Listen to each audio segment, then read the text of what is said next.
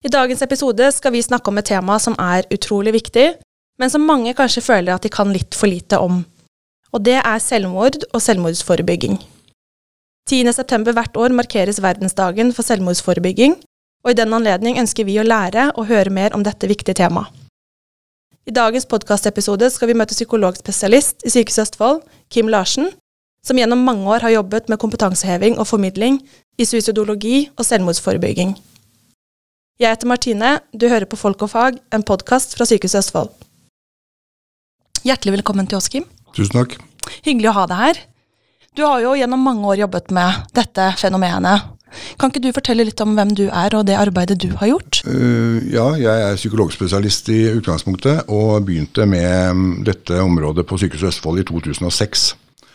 Og så har jeg fra 2011 også vært tilknyttet uh, Nasjonalt senter for selvmordsforskning og forebygging på uh, Medisinsk fakultet på Universitetet i Oslo. Så jeg begynte i, i dette feltet litt tilfeldig, men syntes det var så interessant å holde på med at jeg har holdt på med det da i 15 år, 16 år kanskje. Du har jo vært en forkjemper for å snakke litt sånn tydelig om temaet, og satt det veldig på dagsordenen, i hvert fall her i, i, sykehuset, da. Ja da, absolutt, og det var noe av poenget med at disse stillingene ble opprettet. Det er å, å være mer um, fokusert i innsatsen for, i selvmordsforebygging på mm. sykehusene. Mm.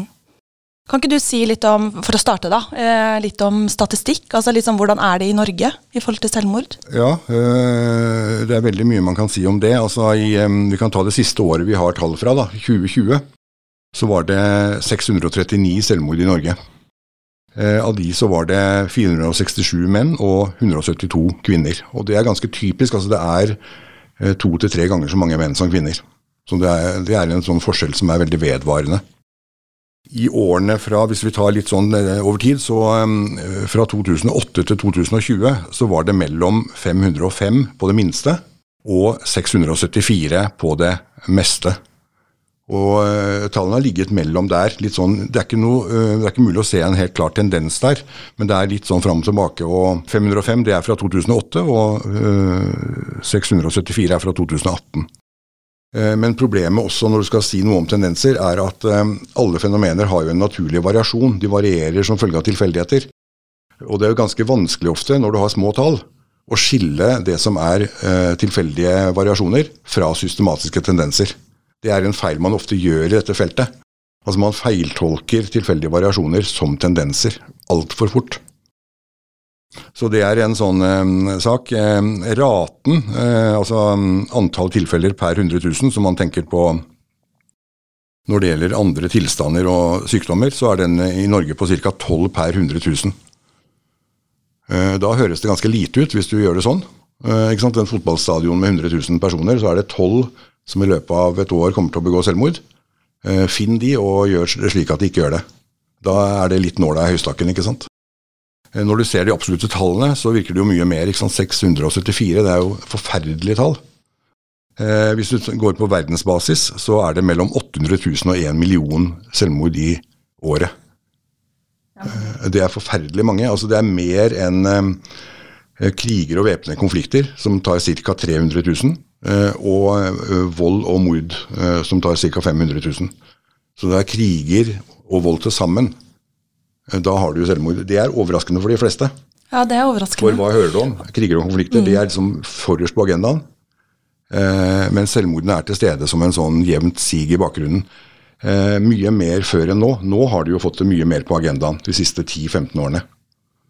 Eh, et annet eksempel er jo f.eks. eksempel, enda mer, får det enda mer fram. altså eh, I Vietnamkrigen så eh, døde 66 000 amerikanere i hele krigen. På det tidspunktet så var det 3, 33 000 døde i selvmord hvert år i USA. Så du har to vanlige år med selvmord i USA. Så har du hele amerikanske tapstallene i Vietnamkrigen. Setter jo ting litt i perspektiv. Ja, altså det setter det veldig i perspektiv. Så, så, det er et veldig stort problem. Altså det er jo For voksne så er det rundt hver på tiendeplass når det gjelder dødsårsaker. Tiende-ellevteplass når det gjelder eh, dødsårsak. Og det er også mye. Når det gjelder ungdommer så er det mye høyere, fordi de ellers er friske og ikke dør av andre ting så mye. Så eh, nei, det er, det er veldig man kan sånn konkluderende si at det er et ganske stort problem. altså. Jeg blir liksom interessert når du snakker om uh, dette med omfanget, hvor mange det er, da, sett opp mot uh, krig og andre store ting som snakkes mye om i mediebildet mm. spesielt. da. Mm.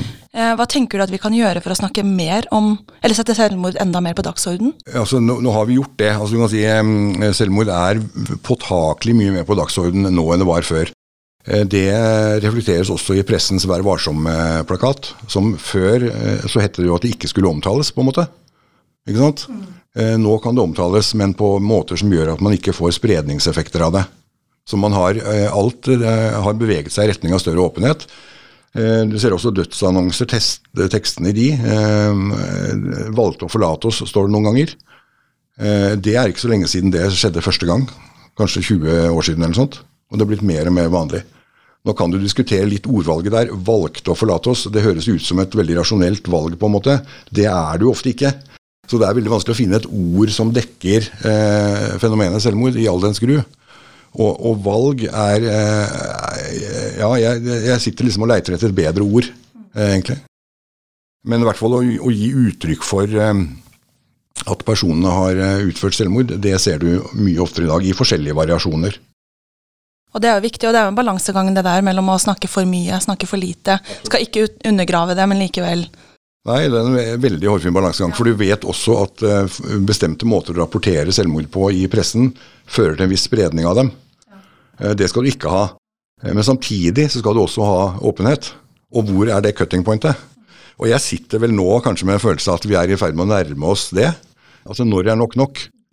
Det er noe man må spørre seg etter hvert. da. Men det er klart at sånn som historikken har vært her, med veldig fortielse, veldig mye skam, veldig tabu, så er det klart at man kan gå ganske langt som en reaksjon på det, og man ennå syns det er greit. da. Så det er klart at åpenhet er i utgangspunktet bra, men skal passe litt på da, uh, før det blir en sånn dysfunksjonell åpenhet også. Temaet eller fenomenet selvmord det er jo knytta mye følelser til det. Mange har en mening om det, noen har personlige opplevelser, familie, venner. Men så er det også mange myter, Kim, knytta til dette med selvmord. Og en myte som kanskje mange kan kjenne seg igjen i, det er jo, eller som man har hørt om, hvert fall, da, det er når en person har bestemt seg, så er det ingenting man kan gjøre for å endre det. Ja, det er en veldig farlig myte også, fordi at den eh, medfører jo at man på en måte ikke gjør noe der hvor man kunne ha gjort noe. Eh, og den er en av de mytene som i minst grad stemmer med forskningen. Fordi at selvmordsimpulsen eh, karakteriseres av to ting. Det ene er at den er flukturerende og varierende. Det er den ene. Og det andre er sånn ambivalent.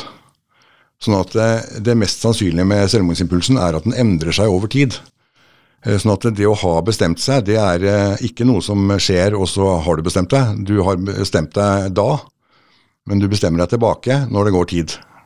Og kanskje tilbake igjen, osv. Altså, det er en, fluktuasjon og en uro eh, i selvmordsimpulsen som gjør at dette med bestemt seg blir så feil i denne sammenheng.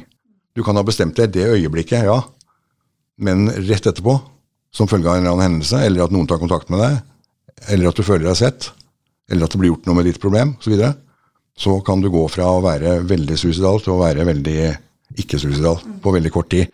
Eh, så jeg tenker at Når jeg hører den myten her, så tenker jeg at den er sikkert oppstått for å begrunne at man lar være å gjøre noe. Fordi eh, det er litt sånn self-serving på en måte. Hvis du ikke kunne gjort noe likevel, så hva er vitsen da om å prøve? Så den er, er vel kanskje en av de farligste mytene, egentlig. For den kutter ut um, det du kunne ha gjort. En annen um, variant på det er jo at man blir, altså, man er redd for å gjøre noe feil. Altså, det er også eh, litt skremmende på samme måte. Fordi det viktigste er nettopp det at du tar kontakt med personen, relasjonen til personen. At du etablerer den. Detaljer i hva som blir sagt, det er i denne sammenheng ganske underordnet. Det er ganske vanskelig å gjøre noe feil hvis du bryr deg om personen. Om du sier en detalj feil osv. Og, så og det er også litt sånn trist i forhold til at det gjelder jo veldig mange andre ting i samfunnet, at det blir sånne ekspertanliggender eh, som det må en ekspert til for å fikse, liksom. Og så har det den eh, veldig store bieffekten at den undergraver vanlige folks tro på det de kan gjøre. Som ofte er veldig mye, fordi de er mye nærmere personen enn eksperten. Mm. Sånn at Det blir, det skal man være veldig forsiktig med. Jeg syns vi så det veldig når det var den bølgen på 80-tallet om krisepsykologi. Da var liksom Det å gripe inn i en krise ble en sånn ekspertgreie. Det kan ikke vi gjøre, for vi kan gjøre noe feil. Og Det er også en veldig trist um, utslag av å, å, gjøre det til et ekspertanliggende. Og Det er også en lignende myte i forhold til selvmord. altså Det å ta kontakt, eh, etablere en eh, relasjon, vise at du bryr deg, Det er så mye viktigere enn om du sier et eller annet feil, i anførselstegn. Ja, Det tenker jeg er et viktig perspektiv det du tar med der. altså det At man kan hjelpe. Altså Man kan være til stede for de som sliter. Absolutt. At det ikke bare er eh, eksperter som kan hjelpe seg gjennom vanskelige tider. da. Mm, absolutt. Og den eh, hjelpen som eh, kan gi seg omgivelsene rundt, er veldig avgjørende mange ganger. For du kan si Den, den kan utsette, sånn som jeg sa i stad, med at selvmordsimpulsen endrer seg. Den kan gjøre at det går tid som gjør at selvmordsimpulsene endrer seg. Så veldig mye selvmordsforebyggende tiltak, eh, også av profesjonell karakter, eh, går ut på å kjøpe tid.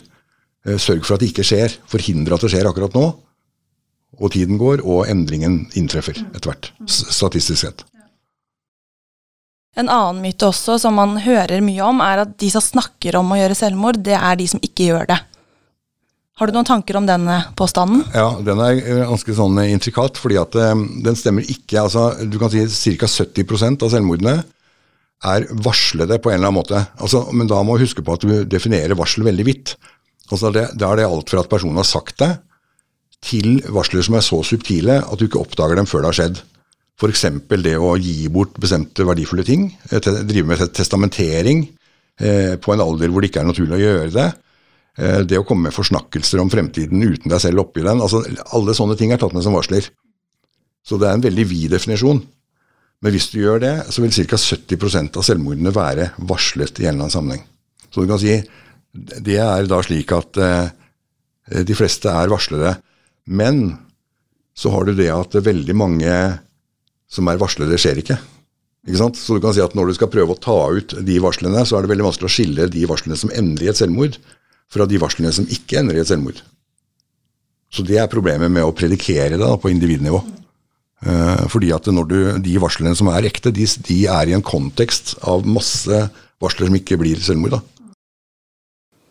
Det er jo vanskelig, altså vanskelig også kanskje for omgivelsene, nettopp det der med altså Hvis du har vært i en tøff periode eller hatt tanker om selvmord, og så beveger du deg, kommer deg videre, får hjelp. Altså Den redselen pårørende ofte har gjennom mange år. da. Mm. Uh, er ja. en sånn usikker tid, da. Ja da, og det er klart at eh, noe av den redselen kan jo også velge negativt inn på samspillet. Eh, tidligere så snakket du litt om dette med selvmordsimpulsen. Kan du eh, snakke litt, si litt mer om det? Ja, altså den er både fluktuerende og ambivalent, og da um, gjør at tiden er på partiet med oss når vi skal hindre det. Eh, og det som er litt interessant med det, eh, det er at tiltak som man eh, da ut fra sånn common sense-perspektiv skulle tro ikke virka, virker, og det er de tiltakene som kommer veldig seint i prosessen. da. Rett før det skjer, f.eks. Eh, rekkverk på broer osv. Man tenker at ja, men det er altfor seint. Altså, man skulle holdt på mye før, og man skulle gjort det også. Men det hjelper faktisk med de tiltakene som kommer så sent. Eh, I Det mest kjente eksempelet på tiltak av den type er i, fra England, hvor man i september 1998 fikk en lovendring når det gjaldt eh, dosestørrelsen man kunne selge av eh, smertestillende midler, på acetamol spesielt. da. Og de ble ikke gjort resept, reseptbelagte, men de ble bare mm, begrensa antallet tabletter man kunne eh, selge ved ett salg. på en måte. Så det var en veldig mild reduksjon av tilgjengelighet. Men selv det hadde en ganske massiv effekt på overdoser med paracetamol. Og, mm, og, det er jo da tiltak som kommer veldig sent i prosessen. Altså Hvis du bodde i London, så ville du bli forsinka bare et kvarter. Du måtte gå til tre steder istedenfor ett for å få en dødelig dose. Sånn at, eh, og det var en ganske massiv effekt av det, når det gjaldt eh, leverskader f.eks. Eh, som gikk ned med mellom 20 og 30% tiden etter dette skjedde. sånn at det er, og Da er vi over på et mer optimistisk prosjekt. ikke sant? Nemlig at tiltak som er såpass milde som det, har en ganske massiv selvmordsforebyggende effekt. Det samme så du i England når det gjaldt man gikk over fra høytoksisk husholdningsgass Altså, de, de, aller fleste engelske husholdninger hadde gass som oppvarming. Og så byttet man den kullgassen ut med nordsjøgass, med massive effekter på selvmord. Det var en veldig brukt eh, engelsk metode. Eh, for alle hadde tilgang til den giftige gassen. Den ble brukt i massiv skala. Eh, hva skjedde når den ble ikke giftig lenger? Eh, en massiv nedgang i selvmordene. Så man sier at at samfunnet er i endring, da, samfunnsutviklingen også har en påvirkning på ja, og i det tilfellet her så var jo ikke den endringen gjort med tanke på selvmord i det hele tatt. Den var gjort ut fra en sånn miljø, miljøperspektiv eller, eller, økonomi. Eh, og så førte det til at man tukla med en veldig innarbeidet selvmordsmetode. Og så fikk man en massivt fall i selvmord. Sånn er, denne forskningen er veldig eh, interessant fordi den er litt sånn kontraintuitiv på den måten at man tror ikke det virker. Sånn at eh, forskningen har veldig sånn korrigerende effekt på noen av disse mytene. Det er jo spennende også. Det er veldig spennende. Ja. Men det er klart at Nå kan du spørre hva som hadde skjedd, hva som skjer etter hvert i England. da. Altså Når, når det går tid, så vil jo um, England også bytte selvmordsmetode fra gassen til noe annet. da. Så du kan si, Det jeg har sagt nå, det er et sånt øyeblikksbilde. Hvis du forlenger tidsaksen, så vil du få en større grad av substitusjon, som vi kaller det. ikke sant? At du bytter ut en metode med en annen. Men selv om du legger det mest pessimistiske estimatet av substitusjon til grunn, så vil du ha spart 5000 liv i den perioden hvor man bytta. Så selv det er jo en viktig effekt, da. Veldig. Eh, så dette er veldig sånn oppløftende forskning på mange måter, da. I stad så snakka du litt om et tall innledningsvis, hvor mange som begår selvmord. Men så er det jo også mange som prøver, men ikke klarer å gjennomføre det. Hvordan går det med de som overlever et selvmordsforsøk? Det er ganske eh, et veldig essensielt spørsmål. fordi at eh, hvis alle de hadde dødd senere av selvmord, så kan du begynne å lure på hva er vitsen med å prøve å forhindre det. Hvis du ikke klarte å forhindre noen, men du bare klarte å forhindre tiden det skjedde på. Så det er veldig viktig å se på. Det er masse oppfølgingsstudier. Eh, vi kan jo ta én eksempel, som er ganske representativ. Det er en kar som heter O'Donnell, som forsket på eh, selvmord hvor person, eller selvmordsforsøk da, som, eh, hvor en person overlevde. Hvor personen hadde kastet seg foran undergrunnsbanen i London. Altså en veldig voldsom metode, som vi kaller det. Og han studerte 94 individer, sånne individer som hadde forsøkt selvmord med den metoden i perioden 1977 til 1979. De så han på ti år etterpå. Åssen var det gått med dem? Og nå kan du jo prøve å gjette åssen det hadde gått med dem. Altså, En så voldsom metode. Eh, de hadde hoppet eh, fra 77 til 79. Det var 94 individer. Hvor mange levde ti år etterpå? Og da er det jo ganske mm, optimistisk å tenke på at uh, av de 94 så var ni døde ved senere selvmord. Uh, I løpet av de ti årene, da. Men de aller fleste levde jo. Sånn at, uh, og, og, da har de forsøkt en så voldsom og mutilerende metode.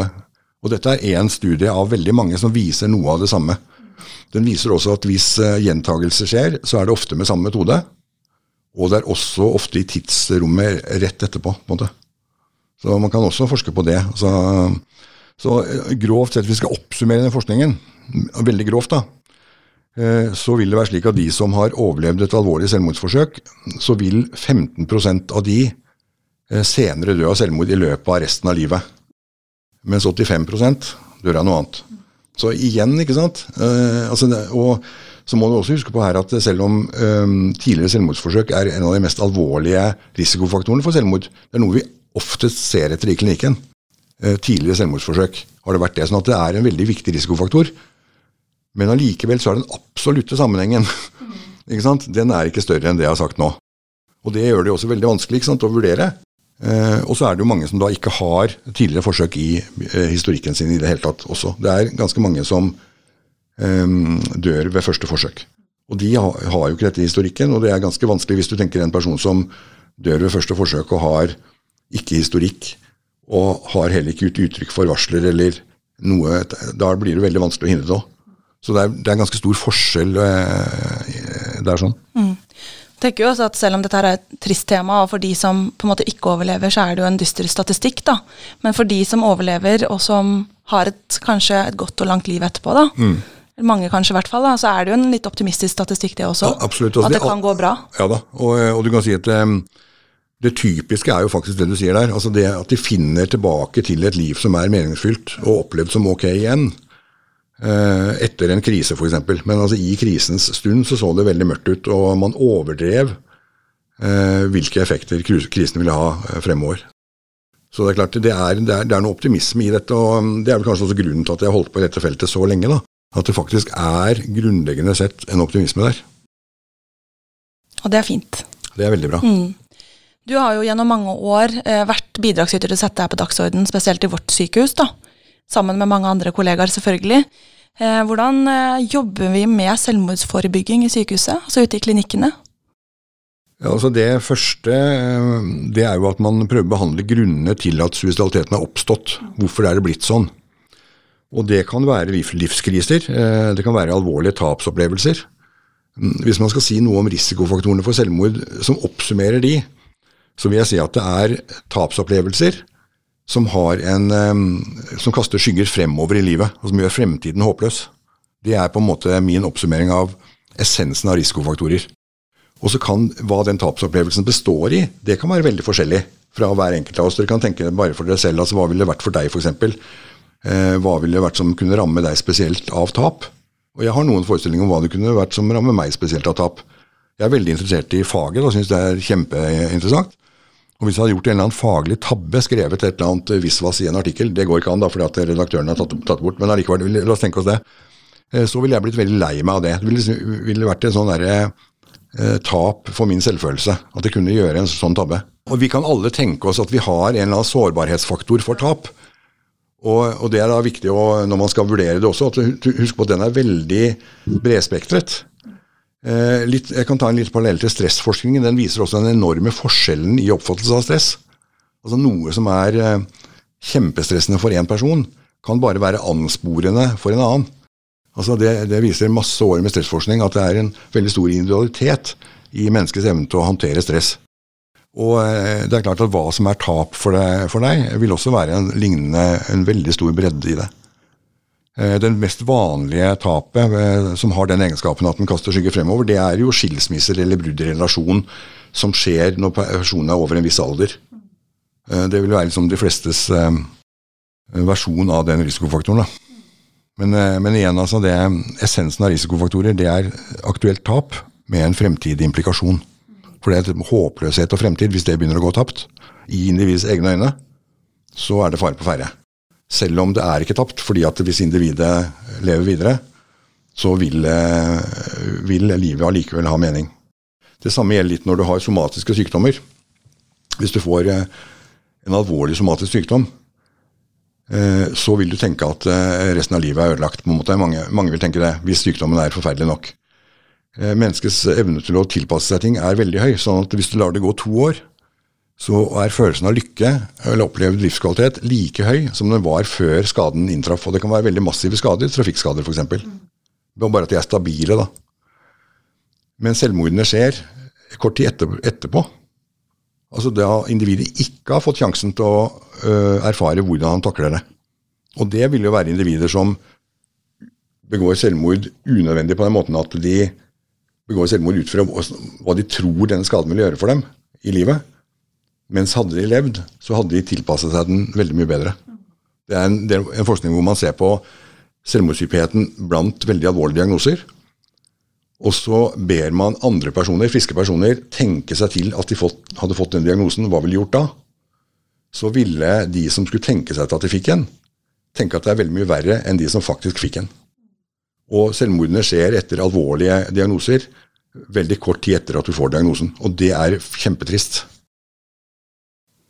Og så jeg tenker på For medarbeiderne der ute som jobber i psykisk helsevern, de har jo selvfølgelig kjennskap til temaet.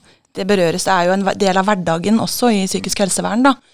Men så er det jo også en del fokus på det gjennom fagdager, kurs. Du er jo bl.a. kursholder på, på en sånn obligatorisk fagdag for alle som jobber i i psykisk helsevern, da. Ja da. Den, en, en, hel dag om selvmordsforebygging det er obligatorisk for alle. Så det må alle ha innen tre måneder etter at de har begynt. da. Eh, og en annen ting som da gjøres i forhold til å um, gjøre noe med det, altså i forhold til kriser som jeg nevnte der, så kan det være psykiske lidelser som da blir behandla.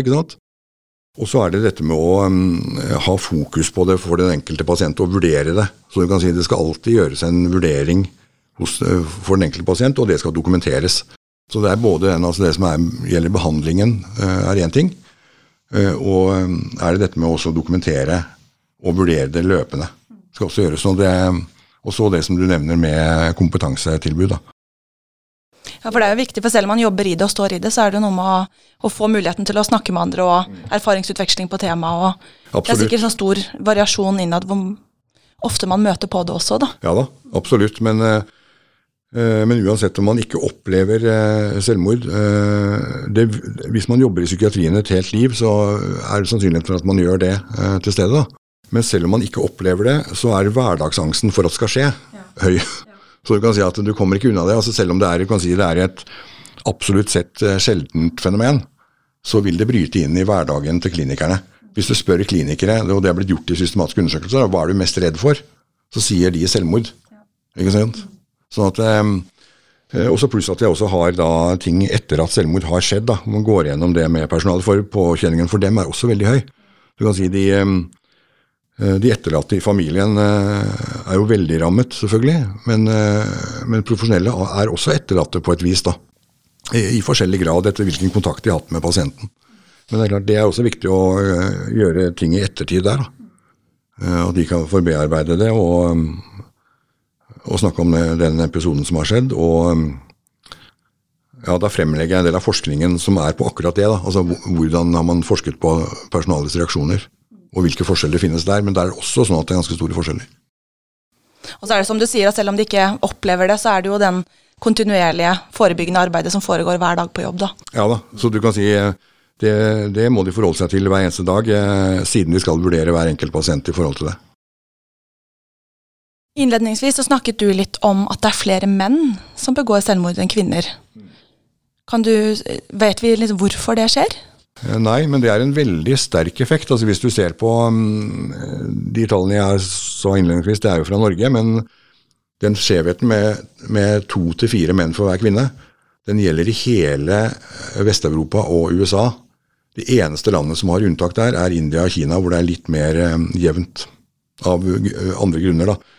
Men Så det er en sånn veldig uh, robust effekt. Det er også en veldig forskjell i metodene de bruker. altså Menn bruker ofte mer voldsomme metoder mens kvinner bruker forgiftninger. Så det er en sånn systematikk også der.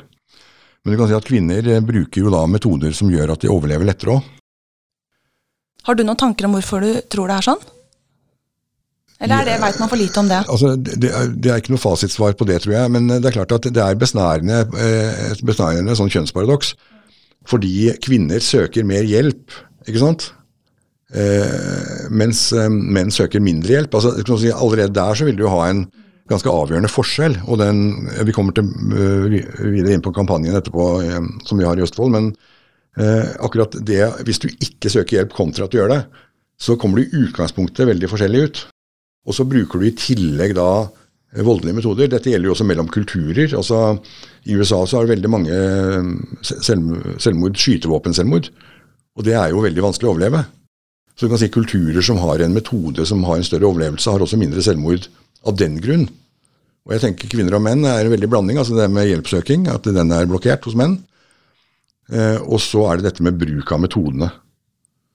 Så, um, men det er en ganske dyster eh, statistikk. Det der, altså det prøver man å gjøre noe med. Da, og det har vært forsøkt gjort noe med med holdningskampanjer f.eks. Eh, det kan jo også være noe med mannsrollen. ikke sant? Det der med å være sånn eh, ikke avhengig av andre ting, det å fikse ting sjøl. Altså, så det er en sånn du, bare de faktorene du har nevnt nå, er jo eh, flere faktorer som virker i den retning. da. Og så er det sikkert mange flere enn det også. Eh, men det er klart det er en sånn skjevhet som er veldig, eh, veldig innarbeidet, altså. Det, det, er vel kanskje ikke noe funn i, eller statistisk effekt i dette feltet som er større enn det. Altså det er, for den er gjennom alle tider og mange år, og, og masse regioner også. Har alder noe å si i forhold til når man prøver, eller ja, alder er, er, en veldig viktig faktor. Eh, grovt sett så kan man si det slik at eh, selvmordsrisikoen øker ved økende alder. Eh, det er veldig få i eh, det nedre aldersspennet. altså Mellom 10 og 14 år så er det mellom ett og to selvmord i Norge i året. Så øker den med økende alder, og så er særlig høy i, eh, hos eldre. Og særlig over 75 år.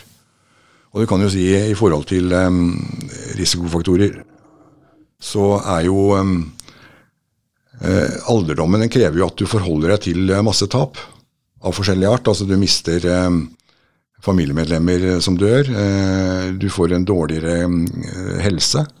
Altså det er en hel serie med tap som eh, ligger og venter på deg, og så når du er ferdig med dem, så kommer de og graver deg ned i bakken.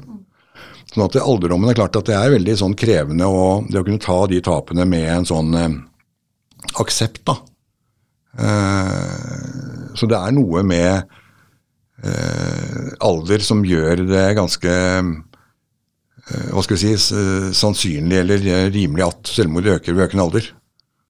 Hvis du ser på um, hvor mange forsøk uh, skjer per uh, dødsfall i selvmord, og så krysskorrelerer du yngre kvinner med eldre menn, så vil du på, for yngre kvinner ha 40 forsøk for hvert selvmord. Mens for eldre menn så vil du ha tre forsøk for hvert selvmord. Altså eldre menn klar, klarer det på en måte uh, i mye større grad. Du snakka litt om kampanjer, holdningsskapende kampanjer. I sykehuset skal vi også i gang nå i høst, som retter seg litt mot det med selvmord og, og menn. Mm. Kan du si litt om den kampanjen? Ja, Det er jo gjort akkurat for å prøve å rette opp i det der. da, ja. og, og, spesielt i det første trinnet vi snakka om, ikke sant? nemlig hjelpsøking. Eh, at Å få mennene lettere til å søke hjelp, og det med at det ikke, ikke skal være noe flaut å snakke om emosjonelle problemer, da, som menn kan ha eh, mer problemer med enn kvinner. Eh, så den kampanjen retter seg på å prøve å minske terskelen i starten. Så man kommer inn i eh, hjelp i en eller annen form. Enten det er det uformelle eh, eller det formelle. Så det er viktig. Det er en samarbeidsprosjekt mellom Sykehuset Østfold og Nasjonalt senter for selvmordsforskning og forebygging på Universitetet i Oslo. Men det er klart Sykehuset Østfold har jo prioritert dette med selvmordsforebygging. Jeg begynte i 2006, og da var jeg litt spent på åssen dette ville være. For da hadde Sykehuset Østfold en ganske sånn dårlig presseomtale. av en eller annen grunn. Men jeg har jo eh, levd så lenge i eh, helsevesenet at jeg veit også at presseomtaler kan være veldig villedende. Eh, men jeg lurte litt på det. Men det ble fort endret. Jeg traff først Irene Dahl Andersen, som var divisjonsdirektør da, og oppdaget at hun var jo veldig interessert i å prioritere selvmordsforebygging. Eh, jeg hadde jo tenkt at hvis de ikke gjør det, så kan jeg alltids ta og eh, få dem til å skjerpe seg. Men det var ikke nødvendig. Eh, og de andre i ledelsen også var jo også Så det var en Jeg kom inn i en veldig hva skal vi si, heldig sånn ledelsesmessig kontekst. da, I en ledergruppe som var interessert i det samme feltet. og så er jeg ganske sånn hyper selv, veldig interessert i faget. da, Og holder på med det døgnet rundt, ifølge, ifølge kjæresten min. Men, ehm, men det, da hadde man en veldig god kombinasjon. altså En ledelse som prioriterte det, og en hyper selvmordsforebygger. Så, jeg, så vi kom ganske langt, eller er kommet ganske langt, tenker jeg. Mm, ble en god match, det der? Det ble veldig, jeg tenker det, altså, sånn Derfor så har vi i Sykehuset Østfold veldig sånn utvikla tiltak over mange år. Eh, vi får nok ikke null selvmord eh, noen gang, men eh, det er i hvert fall et veldig sånn, bra system som er, eh, er operativt, og som mange har spurt oss om. å og lage litt lignende ting, da. Nå har vi jo snakka mye Kim, om hva, eh, litt sånn på et strukturnivå, hva gjør sykehuset, klinikkene, for å forebygge selvmord? Men har vi altså Jeg tenker litt mer på sånne nære relasjoner. Hva kan folk rundt gjøre? Har vi noen beskyttende faktorer? Ja, altså Veldig mye, vil jeg si. fordi at eh, Den mest primære beskyttende faktoren kanskje, det er relasjoner til andre mennesker. Eh, og Derfor så kan de som er rundt gjøre veldig mye en av de største risikofaktorene for selvmord har vært dette med sosial isolasjon. Det er jo sånn som vi ser i klinikken veldig ofte. ikke sant? En, en middelaldrende skilt mann med høyt alkoholkonsum og dårlig nettverk. Det som Durkheim kalte det egoistiske selvmordet. altså Litt rart begrep for oss, men det han mente med det, var at det var for få tilknytningspunkter til samfunnet. Og Det er derfor også kriser eh, for et samfunn kan virke mindre eh, selvmordsrisiko utløsende enn det er, fordi det øker ofte det sosiale samholdet. altså Det som vi i sosialpsykologien kaller for social cohesiveness. Altså det samværet med andre personer. Jeg la merke til at når foreldrene mine skulle fortelle meg om krigen, så ønsket de å fortelle meg om eh, hvor forferdelig krig var. Men de klarte ikke det helt, fordi at de fortalte samtidig om hvor godt samholdet hadde vært. Altså Du så at måten de fortalte det på, hadde, da fikk de en sånn sparkle, liksom, som de ellers ikke hadde uh, så mye av, holdt jeg på å si. Beklager fatter'n og mutter'n, det var litt dårlig sagt. Men, eh, men, men, ikke sant, altså det er noe der. Um, og, og, en beskyttende faktor, eh, hvis du tar den mest beskyttende faktor, så er det å ha personer rundt deg som er avhengig av deg. Hvor du er den som er giveren, på en måte. Altså Det er barn, f.eks. Det er en, en veldig viktig beskyttelsesfaktor. Du kan korrelere alle mulige sammenhenger med eh, folk med og uten barn, så vil de med ha en mindre risiko. Eh, det gjelder spesielt hvis barnet er um, veldig ungt da, og veldig ubetinget avhengig av deg. Det samme gjelder dyr. Jeg er veldig glad i dyr, så jeg har ikke noe problem med å forstå det, men det er veldig mange dyr som har forhindret. Eh, og omvendt, altså hos eldre folk hvor kjæledyrets død eh, medfører selvmordsrisiko. Det er jo også lett å forstå. Det er liksom den relasjonen som er igjen da i dagliglivet. Så, um, så det er um, Det å hjelpe andre er veldig beskyttende. Og det er jo interessant og fint på samme tid, da, egentlig. Ja, ja. absolutt. Mm. Absolutt, og det er, det er, jo det som gjør at uh, at det er ganske mye man kan gjøre når man er rundt personen. Altså det å skape relasjoner, connections, uh, vise at du bryr deg og være tilgjengelig. Uh, det er noe av det viktigste du kan gjøre. Og gjør det og overvinn redselen for å si noe feil. For det er ganske vanskelig å si noe feil hvis du har en aksept og eh, et ærlig ønske om å bli kjent med personen, eller, eh, eller hjelpe personen som du, hvis du allerede kjenner den. da.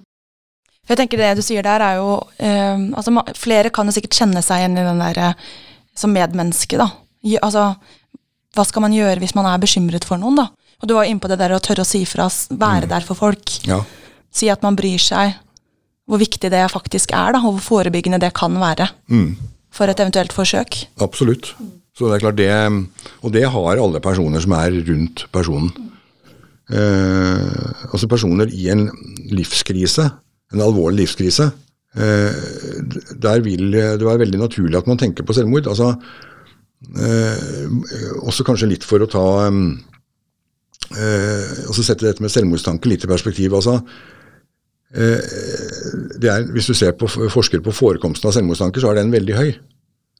Eh, også hos personer som, ganske, som har en ganske privilegert posisjon, f.eks. college-ungdom i USA. Man forsker på de, de er på en måte litt på solsiden av samfunnet. på en måte. De er ungdommer, riktignok, og ungdommer er jo litt sånn labile greier. da. Eh, men allikevel så har veldig stor del av dem har selvmordstanker. Selv om de står i veldig perifert forhold til handlingen. Og de aller fleste mennesker som kommer i en alvorlig livskrise, vil ha et streif av selvmordstanke. Som en sånn selvbearbeidende sak ofte. da. Eh, og den kan være veldig langt fra selve selvmordet. Men den er der. Så du kan si at Selvmordstanker er så forskjellige. Det er alle fra de som er bare streiftanker, liksom. Som en sånn egen trøst. altså Hvis det blir for jævlig, så kan jeg begå selvmord. Eh, til de som da ligger mye nærmere handlingen. Så Der har du også en veldig høy variasjon. da. Og så er det jo den variasjonen gjør jo også at det kan oppleves som de som står rundt, da, at det kan være vanskelig å hjelpe. altså At man er redd for å gjøre noe feil. Ja. Kan man egentlig gjøre noe feil? Nei, veldig lite, egentlig. Altså, hvis du har øh, Det blir bagateller i sammenheng med hvor mye den relasjonen og mye det å kommunisere en velvilje overfor individet har å si. Det var en øh, Det var et tilfelle fra en som hadde gått for å begå selvmord fra Golden Gate Bridge. Eh, og som hadde skrevet i selvmordsbrevet sitt at eh, hvis det er noen som smiler meg, til meg på veien bort, så skal jeg ikke gjøre det. Men han døde av selvmord, da. Sånn at, eh, altså det, og det er ganske altså det er connection med andre. Alt som kan skape en eller annen sosial kontakt, en god connection, det er veldig forebyggende. Det er veldig vanskelig å trives i isolasjon og uten relasjoner. Vi visner liksom av det. Du kan bare tenke på hvor mye hvis jeg spør deg altså, tilbake i tid, eh, når, eh, når, opplevde du sist at du hadde et lite problem, ikke stort, men det kan være lite, så ville nesten 90% eh, sannsynlighet eller mer på at det var noe som hadde med en relasjon å gjøre, selv om det er veldig trivielt. Hva mente han med den bemerkningen borte ved kopimaskinen den dagen? Ja, ja, hva, hva var det det for noe greier? Eh, ikke sant? Vi driver og tolker og holder på hele tida med relasjoner. Det er kjempeviktig for oss. Altså Uten eh, bilen stopper Norge, sier trailersjåførene. De har sikkert rett i det. Men jeg vil si at uten relasjoner så stopper i hvert fall Norge. Det må på en måte være psykologens eh, slogan inni dette her. Så, eh, og, og, gjør det, altså sånn eh, Ta kontakt, vise at du er eh, tilgjengelig. Eh, det er det viktigste. Og så Sett helt i parentes det der med å si noe feil osv. Vær der og bry deg. Vær der og bry deg, og du trenger ikke si så mye heller. Det er også ganske interessant, fordi at eh, man har forska på hva pasienter syns er de beste terapeutene og ikke. Og eh, de syns ikke de overivrige og belærende terapeutene er særlig ålreit. Eh, men faktisk litt sånn viktig for, for terapeutene, da. At det å være nærværende, lyttende og ganske stille, altså gjør heller for lite enn for mye. Det der med gode råd og og sånn, det tror jeg er ganske eh, overvurdert. Altså. Jeg tror det er nærhet, empati, innlevelse, tilstedeværelse. Eh, det å gi håp. Altså, det er så mye viktigere, altså. Så, og det er derfor så gjør det at det er jo ting vi alle har. Altså, du trenger ikke være ekspert for de tingene der sånn. Eh, som mennesker så har vi alle de. Og derfor så er det så viktig at vi bruker dem òg. Så det, det er take home message, syns jeg. Altså at det ikke, ikke, ikke la deg skremme av eh, noe sånn eh, ekspertindusert eh, opplevd inkompetanse. Jeg tenker at det er en viktig oppfordring, ja. og også en fin avslutning på denne podkasten. Å ta med seg det der å være til stede. Ta vare på de nære relasjonene. Og ikke være redd for å si ifra eller være til stede. Nettopp. Det er en god avslutning. Og det er egenskaper vi alle har, heldigvis. Tusen hjertelig takk for at du var med oss i denne podkasten, Kim. Bare hyggelig. Det har vært lærerikt og hyggelig. Veldig fint.